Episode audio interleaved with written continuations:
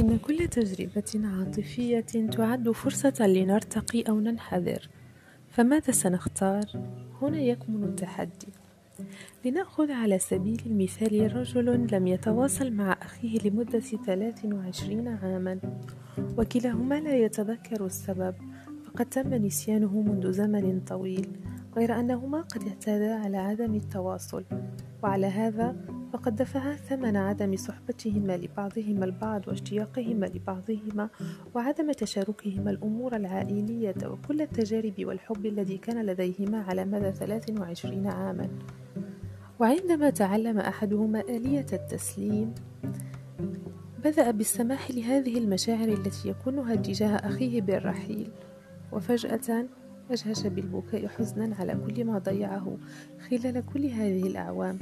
وبمسامحته أخيه حرض على رد فعل مشابه لدى أخيه والتم شملهما مجددا. حاول بعدها أحدهما أن يتذكر السبب ليجد أنها كانت مشادة بسبب زوج أحذية تنس دفع ثمنا وصل إلى 23 عاما. ولو أن الرجل لم يتعلم تقنية السماح بالرحيل لربما ذهب إلى قبره برفقة هذا الغضب. إذا فالسؤال هو كم نريد أن نقضي أكثر بالمعاناة؟ ومتى سنرغب بالتخلي عنها؟ متى سنقول يكفي؟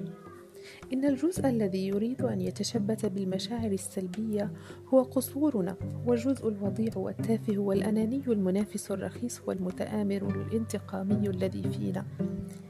إنه طاقة طاقة غير أن طاقة هذا الجزء منخفضة ومستنزفة ومهينة وتؤدي إلى التقليل من احترام الذات.